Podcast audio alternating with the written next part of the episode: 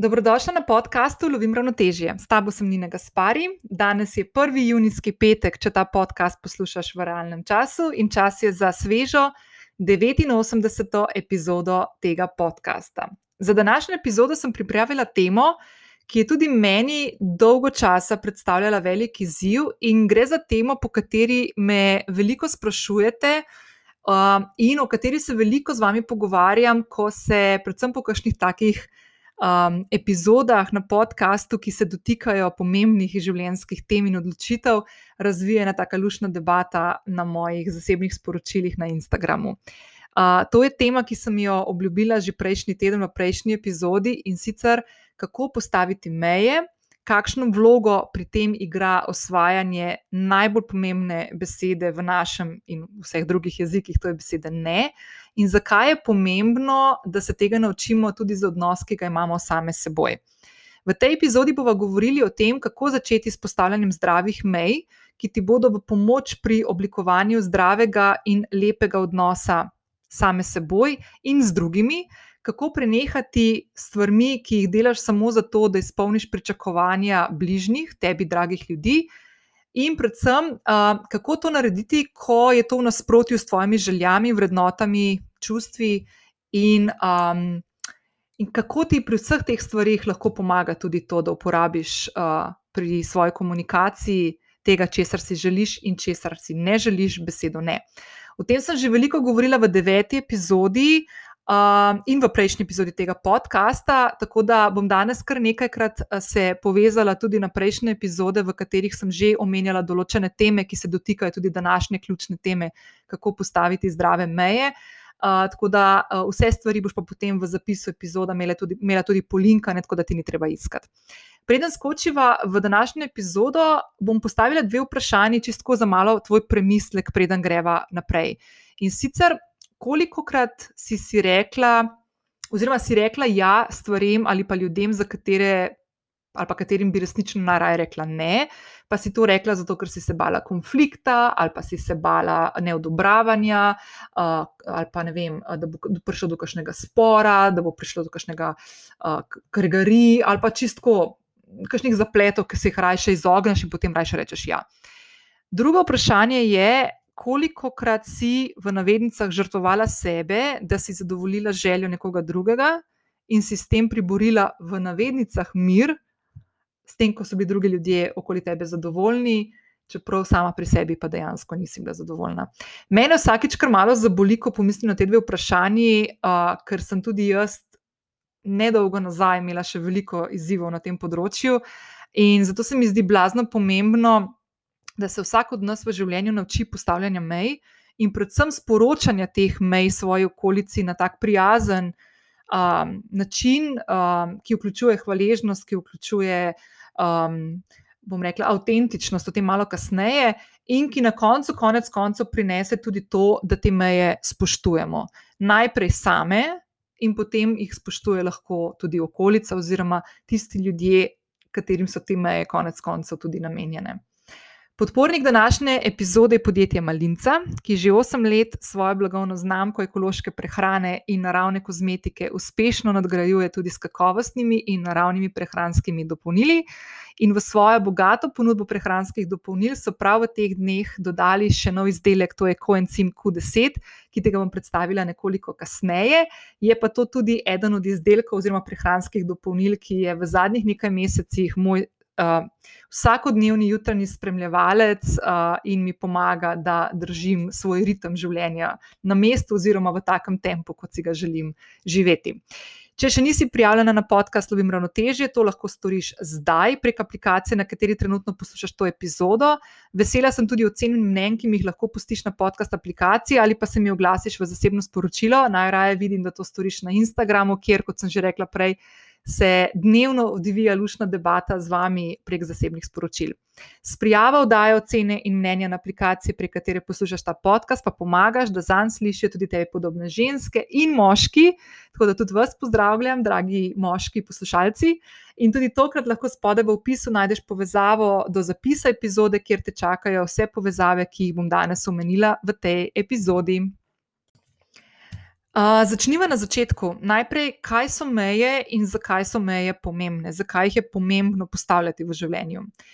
Meja je črta, ki jo postavimo okoli tega, kaj bomo ali pa ne bomo dopustili, da se zgodi v nekem trenutku ali pa odnosu. Torej, kaj je ok proti tistemu, kar zate, za me ni ok. In kot sem rekla že prej, priznam, da sem jaz še nedolgo nazaj uh, imela s tem težave, oziroma, če sem zelo iskrena, nisem veliko razmišljala o svojih mejah, nisem vedela, kje ležijo, in zato sem imela v odnosu do sebe in do drugih ogromno izzivov, pa bomo do tega prišli nekoliko kasneje, ko se bomo sprehodili skozi različne stvari, zakaj mej ne postavljamo, zakaj se jih bojimo. In ti bom še na enem primeru povedala, um, kje se je to. Uh, pri meni v mojem življenju najbolj pokazalo, uh, kako pomembno je, da postavimo svoje meje, in kako pomembno je to za, tudi za neke take zdrave odnose samih seboj in z drugimi ljudmi, ki jih imamo okoli sebe. Um, če mi mej nimamo jasno definiranih, potem nimamo jasno definiranega fizičnega prostora, občutkov, potreb, odgovornosti do nas in do drugih, ter obratno. In tvoje meje ljudem sporočajo, kako naj ravnajo s teboj, kaj je zate sprejemljivo in kaj je zate ni sprejemljivo. Če teh mej ni, jih ponavadi naša okolica in ponavadi so to ljudje, ki so nam najbolj blizu. Ne? so to stvari, ki jih nenehno se preskakuje in hodi po našem nekem tem intimnem področju, prostoru.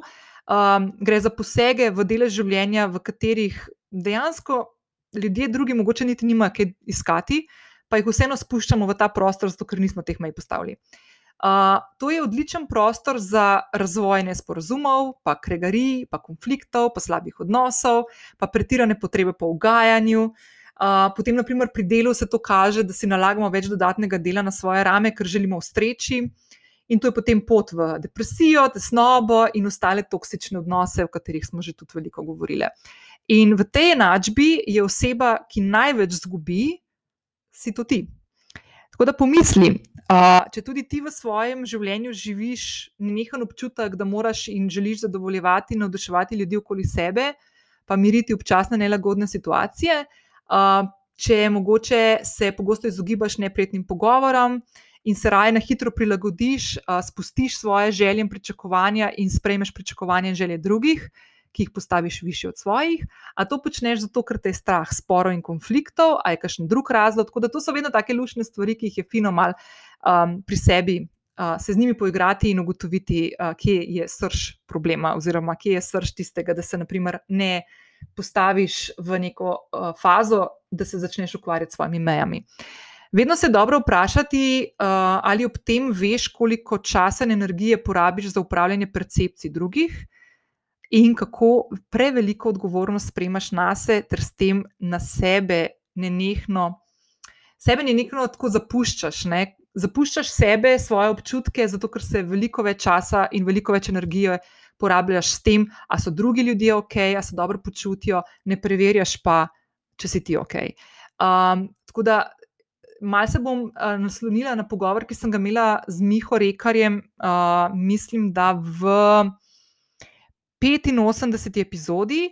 Uh, ko smo se pogovarjali o stoicizmu, in eden od temeljev stoicizma je, da pri sebi ugotoviš, na katere stvari imaš vpliv v življenju in na katere stvari nimaš vpliva. In ko enkrat ugotoviš, na kaj imaš vpliv, in ugotoviš, da teh stvari dejansko zelo malo v vsak dan, da se dejansko začneš s temi stvarmi ukvarjati. In pri mejah, ko začnemo ugotavljati, kako veliko časa in energije um, preveliko krat porabimo uh, na tem, da se ukvarjamo z drugimi ljudmi, ne sami s seboj.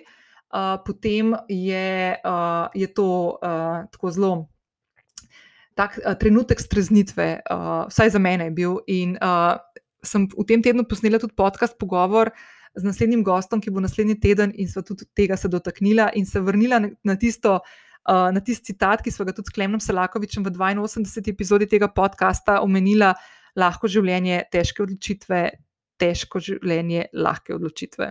Ne, na robe, lahke odločitve, težko življenje, težke odločitve, lahko življenje. Tako je. Ja. Um, okay. Zdaj, uh, vse to pomeni, ne, da če se celo življenje, večji del časa ukvarjaš s tem, da zadovoljuješ želje in pričakovanja drugih, potem to pomeni, da nekje drugje mora to trpeti in običajno potem to pri tebi. Se pravi, da se potem celo življenje samo sebe puščaš na cedilu. In je pomembno, da se v življenju naučiš, kako prevzameš skrb in odgovornost zase. Tukaj ne gre samo za to, da se ti odločaš, pa zdaj bom kar mal drugače delal, ampak dejansko gre za to, da na sebe prevzameš odgovornost. Ful, ful, ful, pomembna stvar. Um, da se poigraš s tem, kako in čemu želiš namenjati svoj čas. Uh, jaz sem že velikokrat govorila, da je čas najpomembnejša valuta, ki, ki jo imaš, in je edina stvar, ki jo ne moreš prislužiti nazaj, ko enkrat zgubiš, ko enkrat gre tega dneva ne bo več nikoli nazaj in je blazno pomembno, da znaš s svojim časom upravljati, karkoli to pomeni v tvojem življenju, uh, da veš, kaj želiš početi, uh, kaj želiš držati le zase, in šele na to se lahko začneš ukvarjati z drugimi, z drugimi željami oziroma z željami drugih ljudi. Sama sebi moraš postati največja prioriteta. Bom ponovila sama sebi moraš postati največja prioriteta, ali pa če obrnem drugače, sebe moraš dati na prvo mesto. In to se sliši fully enostavno, je pa to zadeva, kar zahteva en napor um, in predvsem zahteva uh, konsistentnost. In ponovno, in, in um, nenehno vračanje na, na to, da uh, čekiraš, oziroma preverjaš, da dejansko si na prvem mestu pri sebi.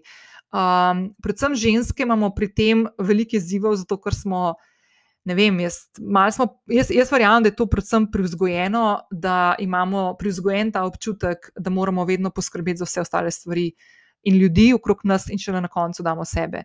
Uh, jaz mislim, da, so, da je skrajni čas, no, da začnemo te stvari malo spremenjati um, in začeti um, pri sebi, in uh, se začeti zavedati, da če same ne bomo zadovoljne, ne bomo mogli, ne mo, ne bomo mogli zadovoljevati kogarkoli drugega v našem življenju. Zakaj je torej pomembno, oziroma zakaj potrebuješ meje? Um, jaz sem nekako, ko sem raziskovala to temo in se pripravljala na ta podcast, um, strnila vse stvari, ki sem jih prebrala in ki sem pri sebi pogledala, kako sem se jaz teh stvari v življenju lotila. Um, sem te stvari dala štiri ključne razloge, zakaj je dobro, da v življenju postavljaš meje. Prva stvar, prvi razlog je, da meje ti omogočajo, da živiš in oziroma izživiš svoj pravi jaz. Ne? To pomeni, da meje ustvarjajo neko ločnico, ki ti omogoča, da imaš svoje občutke. Da se sama odločaš in sprejmaš odločitve, in zahtevaš tisto, če se želiš, brez posebnega občutka, da moš pri tem ugajati drugim. Uh, to se zdaj sliši tako ful, valjda ne itak, ampak so stvari malo bolj kompleksne in, in zahtevne, ki se jih enkrat lotiš in dejansko upelješ v svoje delovanje, v svoje razmišljanje, v svoje dojemanje sebe in sveta okoli, okoli tebe, in da jih začneš tudi spoštovati in se tega držati. Drugi razlog je, da uh, meje so dejansko oblika skrbi zase. Um, Zdrave čustvene meje pomenijo, da ceniš svoje občutke in potrebe, in da ne živiš v prepričanju, da si odgovoren za to, kako se počutijo in obnašajo drugi, ali pa kako gledajo na stvari in tako naprej. Se pravi, da si odgovoren za tiste stvari, na katere imaš nadzor. Običajno si to samo ti, pa še to včasih ne gre čist po, po, po planu. Ne? Meje ti um, uh, nekako ti pomagajo, da spustiš skrbi, kako se počutijo drugi, in da postaviš odgovornost uh, na se. Se pravi, sprejmaš odgovornost, uh, poveš tudi komu drugemu, kaj, kaj je njegova ali pa njena odgovornost, da znaš te stvari identificirati. Meje ob enem tudi omogočajo, da ne pretiravaš, da ne sprejmaš vsakega projekta, ki pride mimo, da ne rečeš ja vsaki stvari, ki pride mimo, in tako naprej, da ne delaš nadur, uh, da se vedno ne zavežeš dodatnim nalogam v službi ali pa v zasebnem življenju. Se pravi, da znaš ohranjati neko tako optimalno raven stvari v tvojem življenju, da še vedno lahko imaš občutek, da živiš življenje, ki ga želiš živeti. In meje pomenijo, da stvarem, ki ne kričijo absoluten ja v tvojem srcu, v tvoji glavi, enostavno rečeš en prijazen ne. Ne, hvala.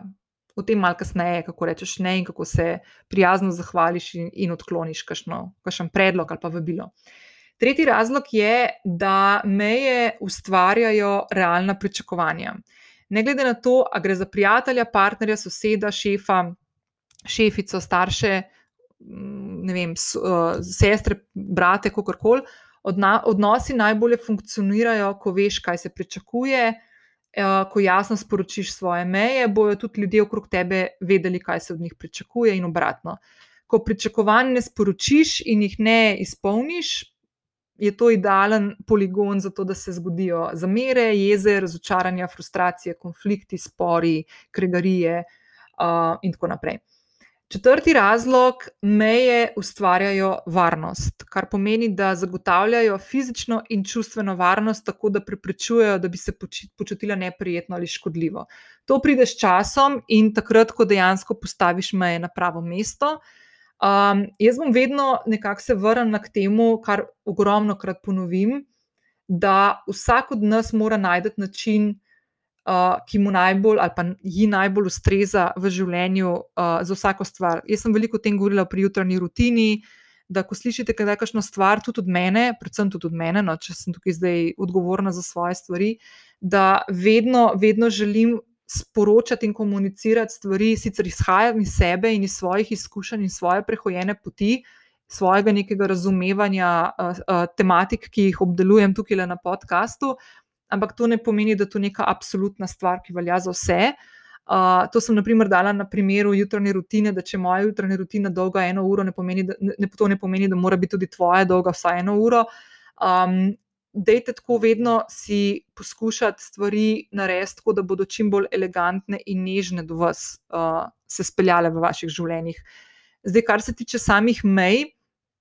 Uh, tako kot pri vsaki drugi stvari. Um, če želiš sebe razumeti, če želiš ugotoviti, kaj je tisto, kar te veseli, kje leži tvoja strast, um, če bi rada ugotovila, um, ja, česa si želiš, česa si ne želiš, to zahteva ogromno enega samo pogovora. Uh, ta samo pogovor po, ponavadi poteka tako, da moraš imeti prostor, čas, tišino uh, brez distrakcij, brez telefona, brez računalnika, brez televizije pržgane, brez vem, otroka, če je okrog, ki se igra, uh, ali pa te kliče, ali pa psa, ali pa mačke, ali kako koli. Treba se odstraniti iz vseh teh stvari, ki, mot, ki so motilci v okolju, ker jih imamo že tako ful veliko v sebi, in se posvetiti temu, da se odkrivaš in samo spoznavaš. Um, hitrejši način, kako lahko prideš do teh spoznanj, je, če pišeš dnevnik. Jaz sem to že zelo velikokrat omenila. Spis, in ga bom danes verjetno še kdaj omenila, s pisanjem dnevnika najdeš prostor um, in besede, konc koncev, za neke stvari, za katere si občasno ne, ne vzameš časa, jih ne slišiš, zato ker je toliko enih šumov v okolju in vsak dan. Uh, in pisanje dnevnika ti omogoča še eno stvar, in to je, da lahko spremljaš svoj napredek oziroma svojo pot, da lahko tudi nazaj pogledaš, kakšno pot si že prehodila, kako se danes um, ukvarjaš z določenimi izzivi ali pa odločitvami v primerjavi s tem, kako si se pred enim mesecem, enim letom, dvema letoma in več. In lahko tukaj vidiš uh, in prepoznaš neko rast. In tukaj je ena taka ful, ful močna terapevtska vloga dnevnika. Zato jaz doskrat rečem, da je pisanje dnevnika najboljši terapeut na svetu, ki ga lahko najdeš. Um, samo dovoliti si moraš in vzeti si moraš ta čas, prostor in tišino, da se prepustiš temu um, te, tej praksi, tej rutini. Um, zdaj, če te to malo več zanima, bom jaz polinkala tudi uh, vodič, pa uh, vaje, ki sem jih pripravila in jih lahko najdeš v moji spletni trgovini, uh, ki ti bodo pomagale, da se lotiš pisanja dnevnika.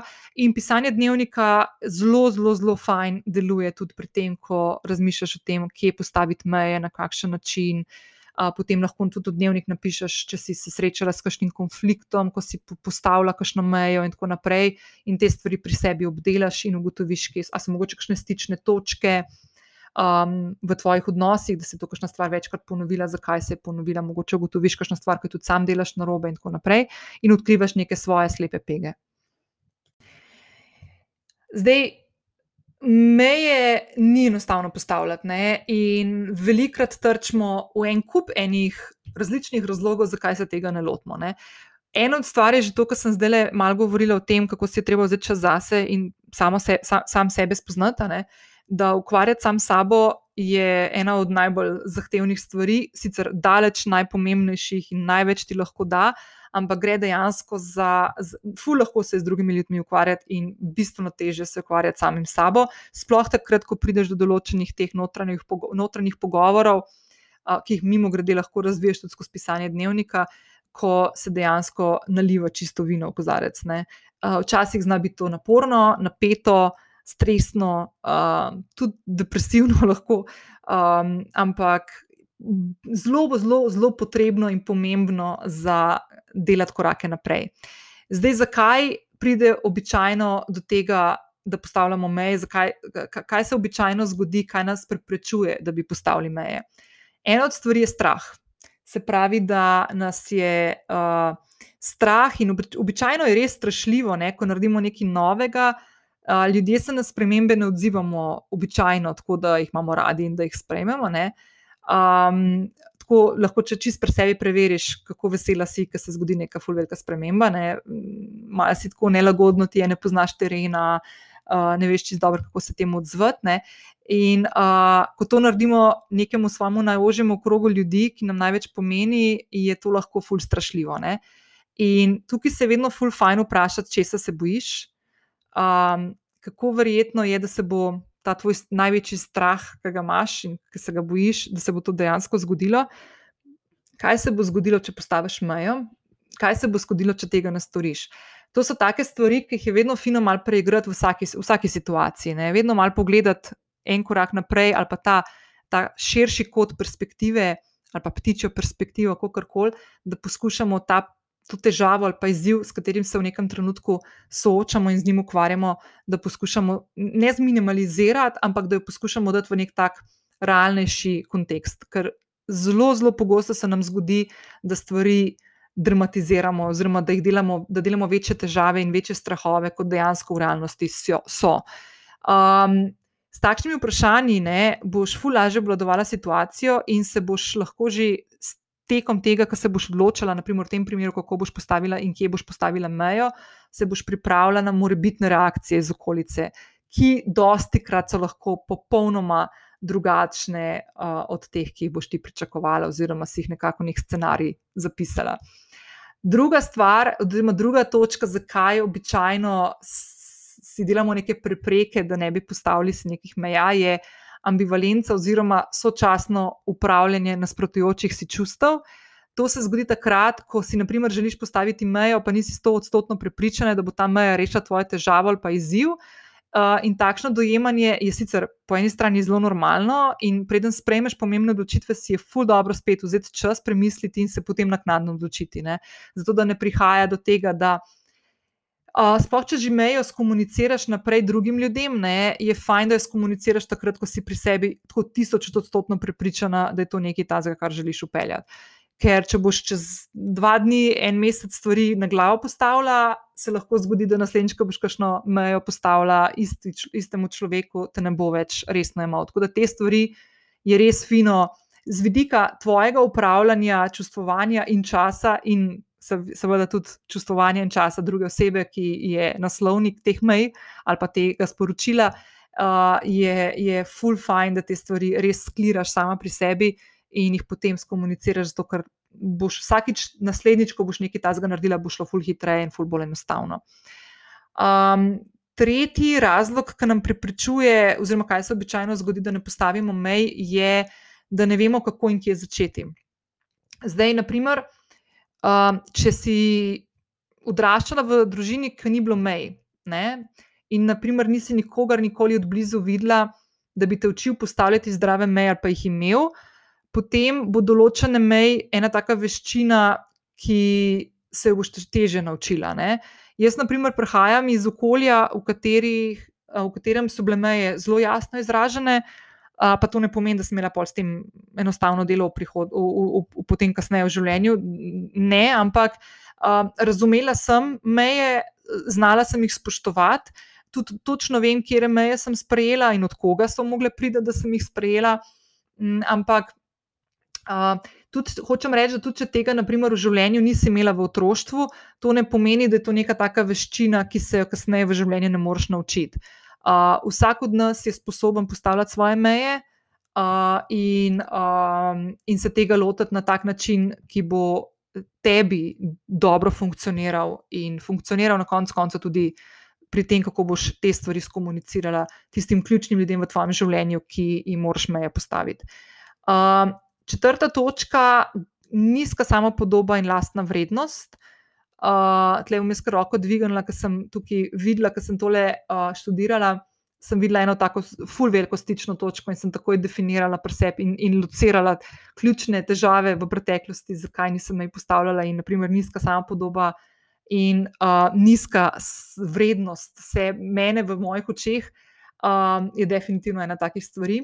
Zdaj, pogosto se zgodi, da se del nas počuti manj vredno ne, in si svojo vrednost izkazujemo tako, da potrebe drugih postavljamo pred svoje, In to delamo zato, ker smo prepričani, da bomo s tem dobili spoštovanje, ljubezen, pozornost, naklonjenost, um, ne vem, odobravanje, karkoli, ne, sprejetje in tako naprej. In tukaj se ena taka fulj zanimiva stvar zgodi, ker um, bolj kot to delamo, manj tega bomo dobili v življenju. Uh, tako da te, s temi stvarmi, se pravi, samo podobo. Uh, je ful, ful, ful pomembno ugrizniti v to in se s tem ukvarjati, ker je tudi ena od stvari, na katero to vpliva, definitivno tudi postavljanje mej in postavljanje nekih ograj za življenje, ki ga želiš živeti. In zadnja stvar, ki se že dotika malo tudi te, ki sem jo zdaj omenila, je ugajanje drugim. Ne? Se pravi, da zaradi želje potem, da bi bila sprejeta, ne želiš povzročiti konflikta ali pa nesporazuma.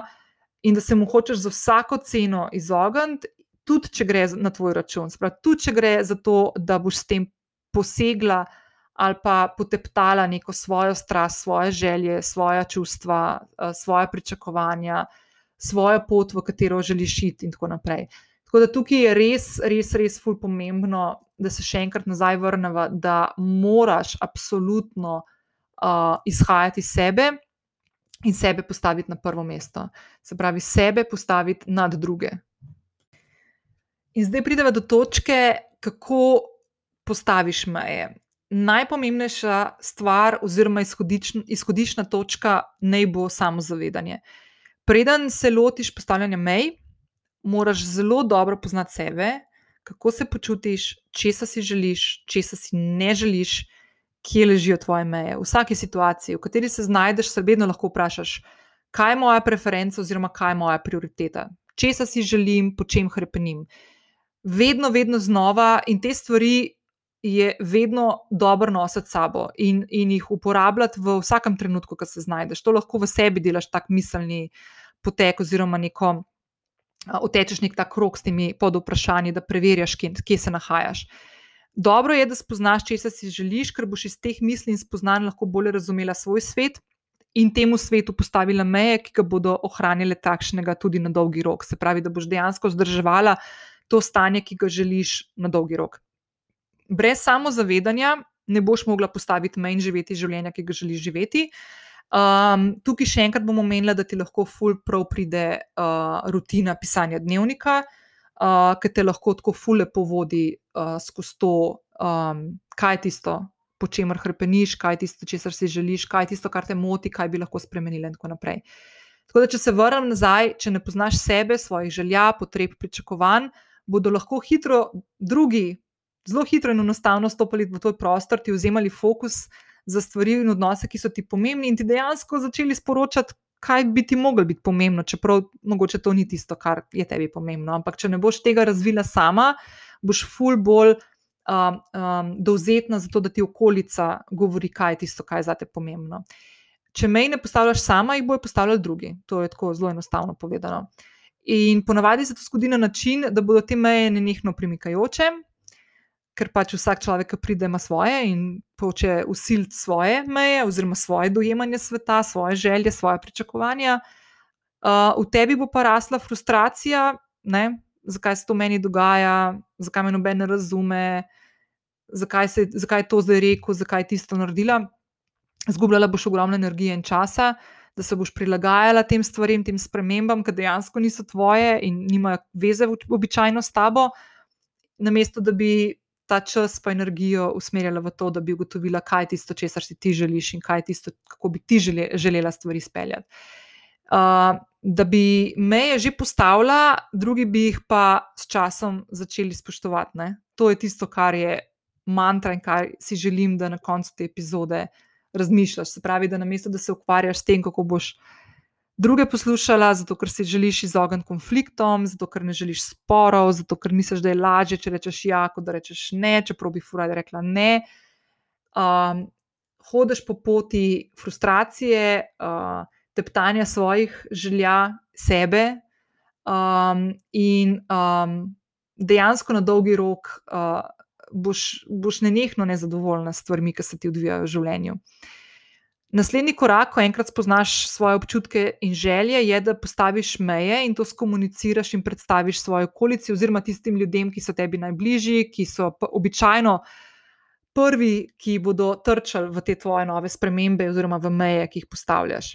Zdaj, pri tem je dobro, da si jasna, da uporabljaš enostavne besede, kratke stavke, se ne upravičuješ za stvari, ki si jih odločila, uh, ne vzemej preveč časa za pojasnjevanje, zakaj si se tako odločila, ne puščaj preveč prostora za diskusijo. Um, zelo pomembno je, da ko enkrat postaviš svoje meje, je to, da se jih v prvi vrsti sama držiš.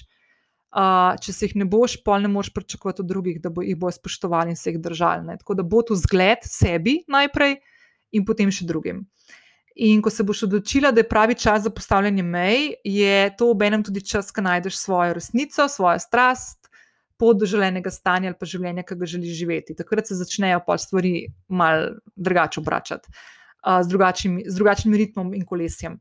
In s temi spoznanji boš začela lažje sporočati svoje mnenje, uh, uh, odločitve, misli, razmišljanja, čustva, svoje občutke, tudi takrat, ko so mogoče neprijetni ali pa neudobni, ali pa ker te bo strah, kako bo na nje odreagirala oseba, ko bo te besede slišala, kakšna oseba, ki imaš ful rada, ki jo zdaj vedno si jo poskušala uh, navduševati ali pa izhajati iz te osebe, kaj bo tisto, kar želi slišati, in tako naprej. Uh, zdaj, tudi če bo kakšni tvoji ljubi osebi, kakšno stvar težko slišati, pa bo užaljena, ne bo te več to tako skrbel, ker boš enkrat izhajala iz sebe in iz tega, da daš sebe nad druge. Uh, večino časa uh, se namreč ravno zaradi teh strahov, da bomo nekoga razočarali, pa po našem pustili na cedilu, užalili, se ne lotimo iskanja svojih ključnih želja, misli in predvsem življenja, ki ga želimo živeti. Ne? In um, zelo se je strah neprijetnih in neudobnih situacij, v katerih se lahko znajdemo zaradi teh novih odločitev in mej. In se bom še enkrat navezala na tisti citat, ki smo ga s Klemnom v 82. epizodi omenili, ki se mi zdi tako res dober, da lahke odločitve, težko življenje, težke odločitve, lahko življenje. Postavljanje mej niso enostavne stvari, gre za težke odločitve, ki pa na dolgi rok pomenijo lahko življenje, zato ker boš zadovoljna, ko boš živela. Življenje, ki sloni na odločitvah, ki si jih težko na začetku sprejela, zato ker so te odločitve tiste, ki podpirajo tebe in boš sama sebi najboljša prijateljica ratela. Tako da v času, ki ga zdaj živimo, in je ena od najbolj v navednicah zlorabljenih besed avtentičnost in avtentično življenje, ne, je še vedno ful preveč ljudi, ki ne živi svoje avtentičnosti, tudi in predvsem zato. Ker si ne vzamejo časa, da bi ugotovili, kaj je za njih pomembno in kaj ne, in predvsem, kje so meje med menoj in med svetom. Ne. In um, ne, ko se, se lotevaš teh mej, ko se lotevaš samo spoznavanja, samo zavedanja. To so stvari, ki jih sama tečeš. To so skrogi, ki jih delaš sama, to niso krogi, ki jih delaš, ko skrolaš po Instagramu in gledaš lepe fotke iz ne vem, kjerih koncev sveta in v nekih oblekcah in ne vem, kaj se ti zdi, da bi tako življenje rada živela tudi ti. Vse lepo in prav, nič narobe s tem, ampak pri teh stvarih, ki so res tako življenjsko pomembne, kot so naprimer meje, ki jih postavljaš sebi in drugim, so to stvari, ki morajo iz tebe izhajati. In vse odgovore na te stvari ti že nosiš v sebi. Najti moraš čas, prostor, pa imeti pogum za to, da si naliješ uh, čistega vina, se, ali pa po domače se pogledaš v gledalo, tudi vidiš, kakšno stvar, ki ti ni všeč. To vsak od nas vidi, in dejansko se začneš v navednicah igrati uh, s temi stvarmi. Na začetku to ni igranje, je kar je kar delo, no, je kar garanje, ampak pride v to, da začneš v teh stvarih tudi uživati. Še ena stvar, ki je fully pomembna uh, v tem delu, je, da je blazno pomembno, da se zavedaš, da se v življenju da komunicirati direktno, brez uvinkov, pa mašnica, ne tistih ulepšanih, um, iskreno in prijazno. Ne, um, biti neposreden ali pa ne, direktor ne pomeni, da si neprijazna ali pa žaljiva. Ne. Um, to, da užališ ali pa prizadeneš drugo osebo s tem, ko sporočaš svoje želje, mnenje, razmišljanje, čustva ali pa mejo, dejansko nima veze s tabo. Če si ti to povedala iskreno, um, če prihajaš oziroma komuniciraš iz srca. Ljudje običajno te stvari dojamejo kot prijazne in bodo tvoje sporočilo razumeli in ga tudi sprejeli. Uh, če te bodo vzeli kot grožnjo ali pa težavo, ali pa ne bodo želeli sprejeti mej v tem primeru, ki se danes pogovarjava, potem je na vrsti naslednje vprašanje: so te ljudje tisti, ki jih ti želiš v svojem življenju? Um, a je to neka oseba, ki dopolnjuje tvoje življenje, um, ali dejansko ne? ne? Um, to, treba se zavedati, da to niso tvoje težave, to so njihove težave, ki jih morajo sami reševati. Se pravi, tukaj ne greš ti posegati v to, da boš zdaj reševala, zato ker ima nekdo problem s tem, ko ti prijazno sporočiš, da imaš določeno mejo, ki želiš, da se upošteva. Um, in predvsem to v primerih, ko ta meja ne posega v meje, naprimer osebe, s katero govoriš. Ne? Tako da odprta komunikacija ti pomaga in dopušča, da v komunikaciji s tvojimi dragimi oziroma ljubimi osebami v življenju narediš prostor za kompromise, za dogovore, uh, nov prostor za nov način odnosov, ki temelji na spoštovanju meja obeh oseb v tem odnosu. Ne? In ko sporočiš svoje želje in potrebe, in drugemu dopustiš njegove ali pa njene, najdeš nek presek v odnosu, ki je ful dobr temelj za prijazen, spoštljiv, vključujoč, iskren, pa zaupanja vreden odnos. Za tak odnos, ki si ga dejansko želiš imeti v življenju. Uh, in po takih odnosih vsi mi hrepenimo. Tako da uh, dejansko tukaj uh, je prostor za ustvarjanje lepših odnosov, kot za to, kar nas običajno skrbi, da bomo nekoga raz, razočarali, pa prizadeli, da bomo postavili meje. Uh, pomembno se tudi zavedati, da ti nisi odgovorna za to, kako se počuti druga oseba. Ne? V vsaki stvari, tudi pri tem, ko komuniciraš neke svoje meje. Običajno imamo ljudje, ki imamo razvito visoko stopnjo empatije, sposobnost, da vnaprej predvidevamo, kako se bo druga oseba počutila, ko bomo nekaj povedali. Ne? In ker jih ne želimo užalostiti ali pa prizadeti, se običajno zadržimo in ne povemo svojih misli in se raje umaknemo. In tukaj se zgodi ful velika napaka. Ne? Ker nismo iskreni do drugih in nismo iskreni do sebe. In same sebe pustimo na cedilu, ne, kar je tako ful, ful, ful slaba stvar. In če jo leta in leta nalagaš eno razočaranje sebe na drugo, je, verjemite, iz prve roke govorim, ful, težko vam splezati, ampak tudi se da. No. Ampak. Um, Če se nenehno pustiš na cedilu in se postavljaš v vlogo drugega, ki upravlja s čustvovanjem in tvojim dojemanjem, so to stvari, ki v bistvu uh, ful niso ok. To pomeni, da Uh, Tleh sem se zdaj malo zapletla. To sem hotela povedati, da če se ti ukvarjaš s tem, kako se drug počuti, oziroma kako bi lahko na določene stvari reagirati, in okrog tega napleteš celo zgodbo in cel odnos, dejansko deluješ ful pokroviteljsko in drugi osebi. In običajno gre to za ljudi, ki so nam najbližji ljudje, um, partnerji, partnerke, uh, družina, družinski člani in tako naprej, najbližji prijatelji, otroci, tudi včasih. Uh, sporočamo drugi osebi, da mislimo, da ni sama sposobna sprejemati informacije in se na njo pravilno odzvati. Um, če si poslušala 87. epizodo, v kateri gosti moja sestrica Majo, sem opisala ful lep primer v najnem odnosu, ko sem se jaz tako obnašala. Um, Celo življenje, v bistvu, um, in trenutek v, mojem, v, v, v najnem odnosu, ko me je zadela strela z jasnega, dobesedno, ko sem ugotovila, da to ni ok, uh, uh, da delam tukaj ful škodo, predvsem moji sestri in odnosu, ki ga imam jaz z njo. In um, boš lahko videla, kaj, se je, kaj dejansko se je zgodilo, uh, da, sem deja, da sem potem začela te stvari spremenjati in kako sem se lotila teh sprememb. Um, to niso enostavne stvari, uh, ampak priznam, da um, je ena od lepših stvari, ki se je zgodila v času, ki je bil za mojo sestro, za me, za našo družino, eno od najbolj napornih, ob, eno najbolj napornih obdobij, ki smo jih uh, imeli. Tako da, ne glede na to, kako se oseba odzove na tvoje sporočilo ali pa na mejo, je za upravljanje teh uh, čustev odgovorna oseba sama in ne ti. Ti se osredotoči na sebe, zaščiti sebe, svoj prostor in svojo energijo, Ker, ko ne živiš v svojem ritmu in se bolj osredotočaš na druge, in kako jih ne želiš prizadeti, dejansko najbolj prizadeneš sebe. In ne tega delati, ne si tega delati, kar fulni ok. In še ena stvar, ki je ful pomembna, uh, da je ful dobro, da se naučimo nehati igrati uh, vlogo modrih čelad. Modre čelade so tisti združeni narodi, uh, ki hodijo po svetu in bdijo nad tem, da, da, da, da se ohranja mir in stabilnost v določenih delih sveta. Zato sem uporabljala to uh, besedno zvezo. Um, kaj to pomeni? Da harmonija ali pa srečno življenje za vsako ceno ima visoko ceno, ki podre tvojo avtentičnost, tvoj notranji mir, odzame ti energijo in prepogosto, ko gre vseeno kaj narobe, se pa od tebe krivi. Um, vsega ali pa vseh ljudi ne moreš nikoli zadovoljiti, ne glede na to, kaj delaš. Lahko bdiš samo na tem, kako zadovoljiš sebe. Pa bom zdaj povedala en primer, ki se meni velikokrat v življenju zgodil. Da jaz sem človek, ki mal že po naravi zaradi kontrol, nad, nadzorovanja stvari, kako se bodo odvijale. Pa tukaj mi je tudi moja služba veliko pomagala, oziroma mi ni, poma mi, me ni razbremenila, je, da poskušam vedno hermetično zapirati prostor za konflikte. Uh, ali pa, za, ali pa za, naprimer, pri delu, da pride do kakšnih napak v zapisih, sporočil, ki jih pošiljam v medije, in tako naprej.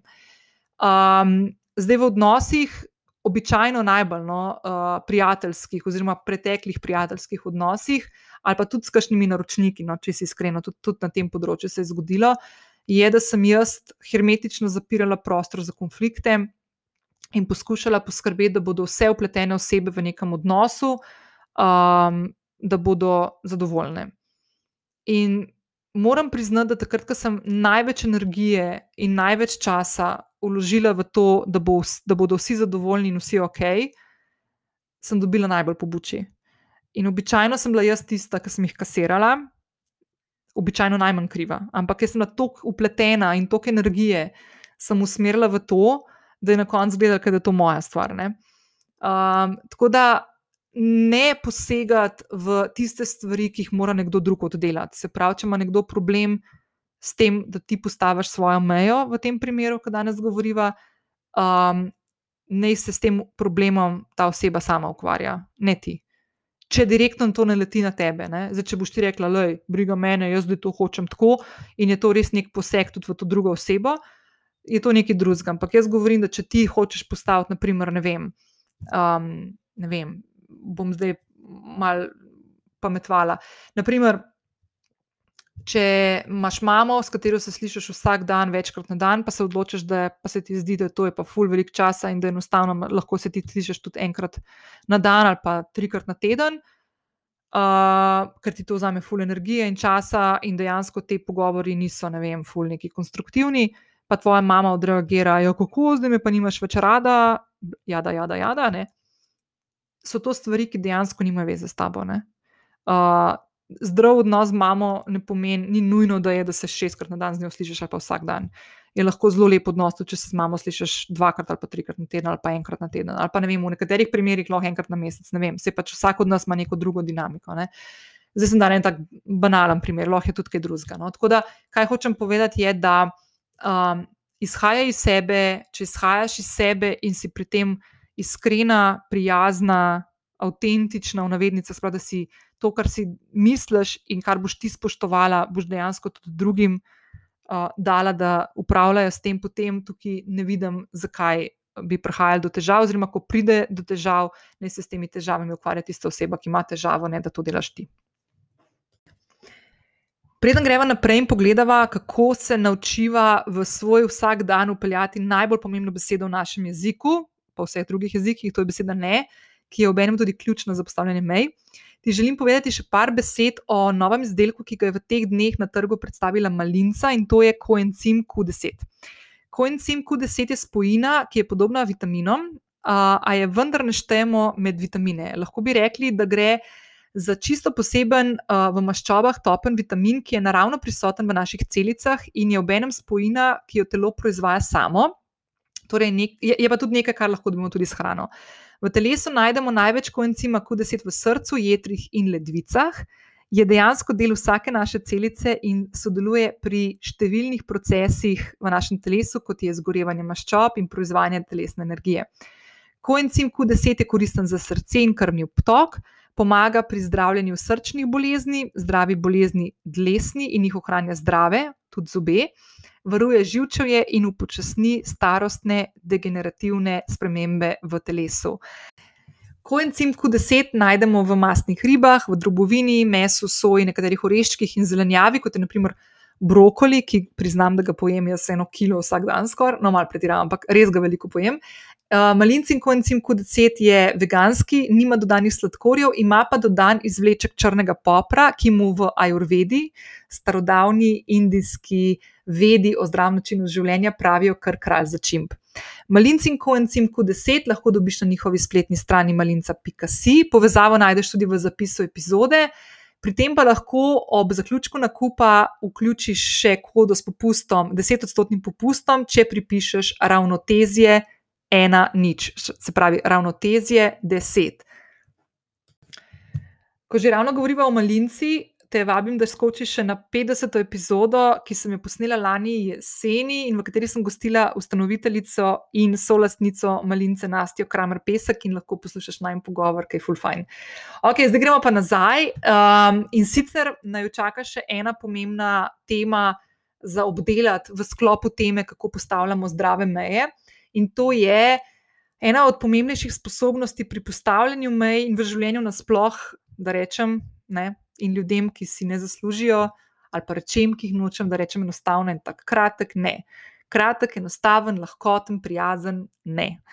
Um, resnično je ena od ful, najbolj pomembnih stvari, ki jih tudi jaz, na primer, v svojem življenju vidim zdaj, ko pogledam nazaj, je, da osvojimo to besedo, da se naučimo reči ne prijazno in spoštljivo, pa ob enem tudi brez opravičevanja, pa iskanja nekih razlogov, zakaj, naprimer, moraš reči ne, ne.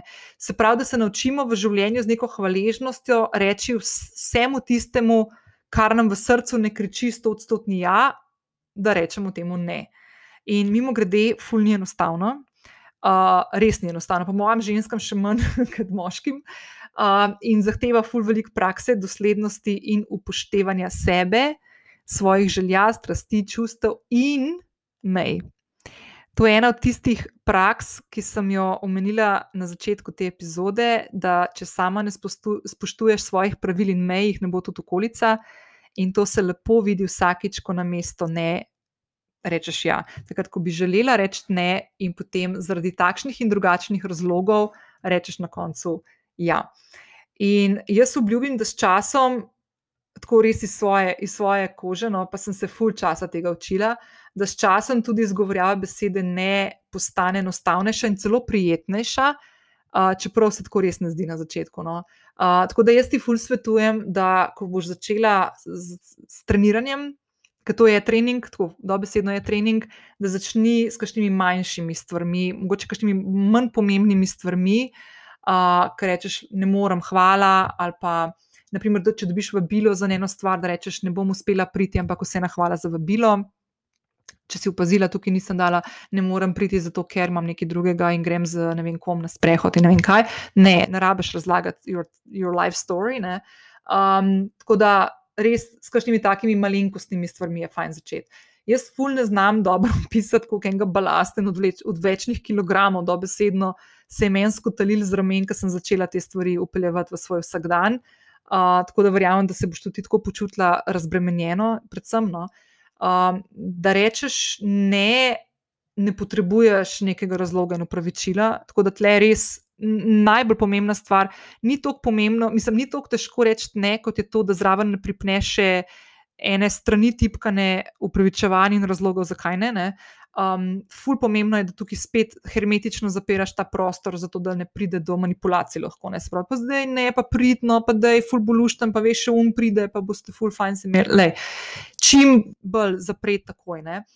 Um, naprimer, v bilo ne, ne morem, ker imam takrat drug dogodek, ne rabiš tega. Ne? Hvala, da si me povabila. Um, ali pa, naprimer, uh, ni treba povedati, da imaš ful pomen urnik. Tudi, če se ti enostavno ne da iti, A veš, je več kot dosti, da se zahvališ, pa prijazno zavrneš neko vabilo. Ne rabiš imeti za to točno v tisti uri enega drugega dogodka. Ne. Tako da en primer, naprimer, mm, ne vem, dobiš, dobiš neko, nek predlog ali za sodelovanje, ali za nek posel, ali za ne vem, neko tako stvar, ko včasih si nisem niti pomislila, da bi lahko neko, neki, neki taki stvari rekla ne. Je, da naprimer napišeš hvala, da si se spomnila name, ampak v tem trenutku žal tega ne morem narediti ali pa sprejeti. Hvali, ali pa naprimer hvaležna sem za tvoje vabilo, vprašanje, pobudo, popraševanje, pikane. In ne rabiš pa več razglabljati, zakaj ne, uno, levo, desno, ne vem, kužama, drisko whatever. Pač zdaj banaliziram. No? Ampak hočem povedati, da to, kar se ti odločiš, in če izhajaš iz nekega iskrenega, uh, prijaznega, spoštljivega načina in komunikacije, uh, je, je to pač sprejeto. Ponavadi pade na plodna tla. Zdaj, če se zgodi, da tukaj prihaja pol do tega, pa zakaj ne, pa to si mi obljubila, pa ne vem kaj.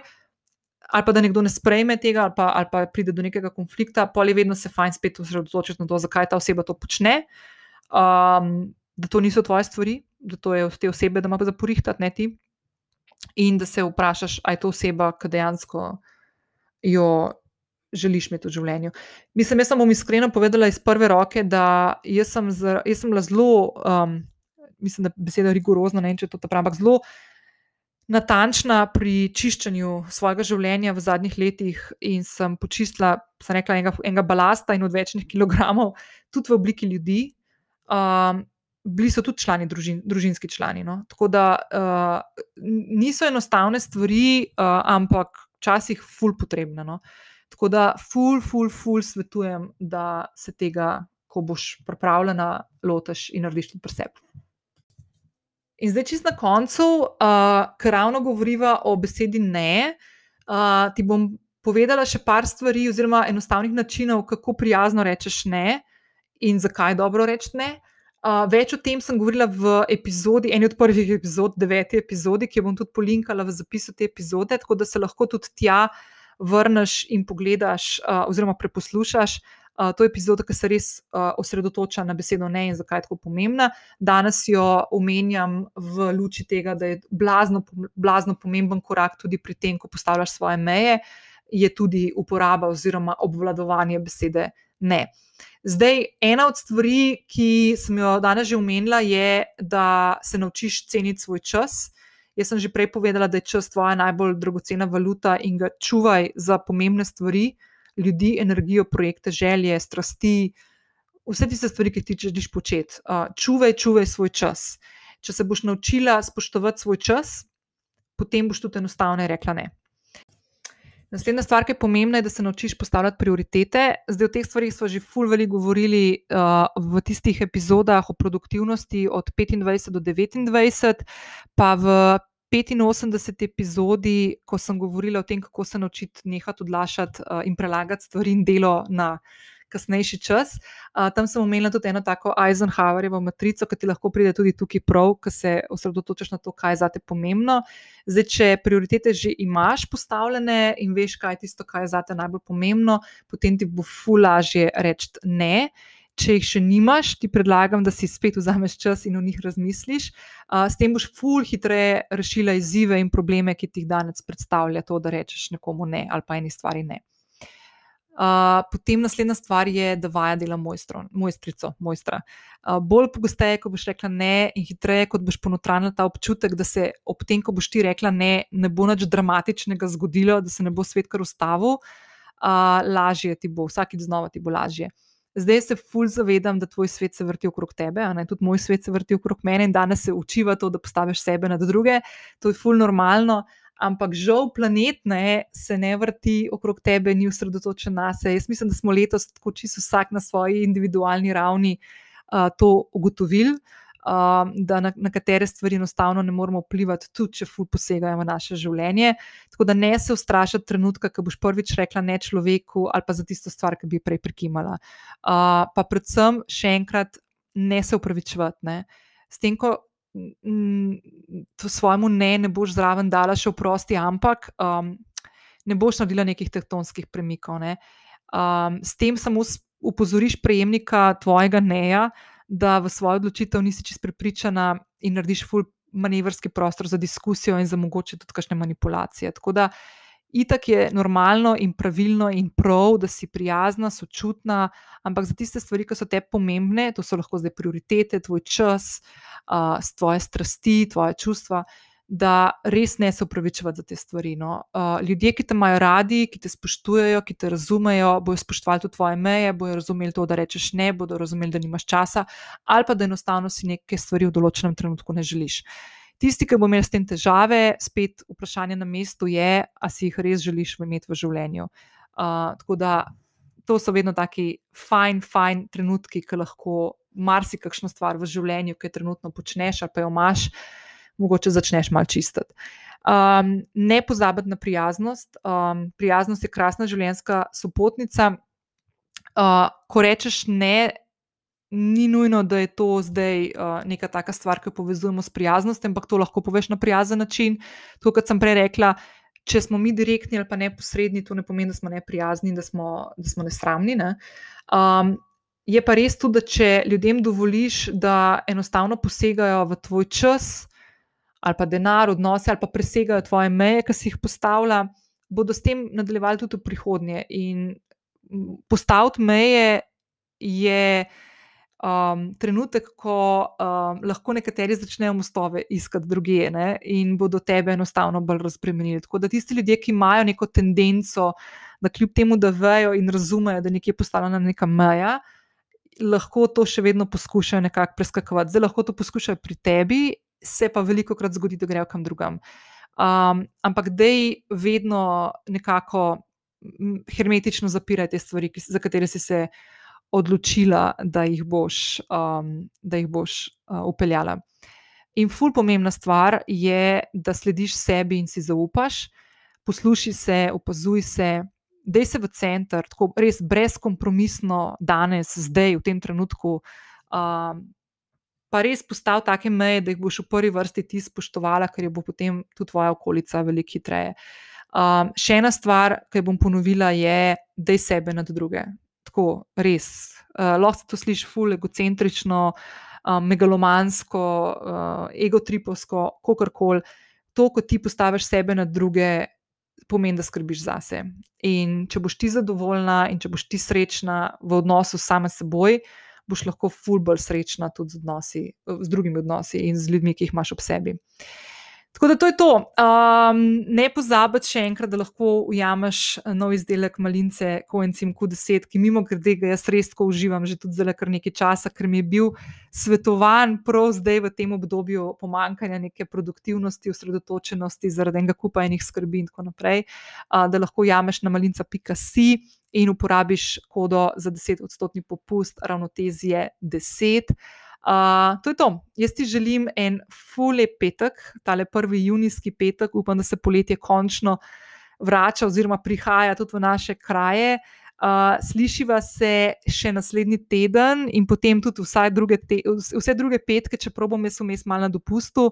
Um, Tako da to je to, lepo bodi, ujemi veliko sonca ta vikend in uh, pošlji mi kakšno zasebno sporočilo, če imaš kakšno povratno informacijo ali pa kakšno uh, vprašanje dodatno, ali pa bi kaj rada podiskutirala in tako naprej. Vedno sem vesela vaših sporočil in z veseljem tudi na njih odgovorim. Lepo se majte, hvala za pozornost in adijo!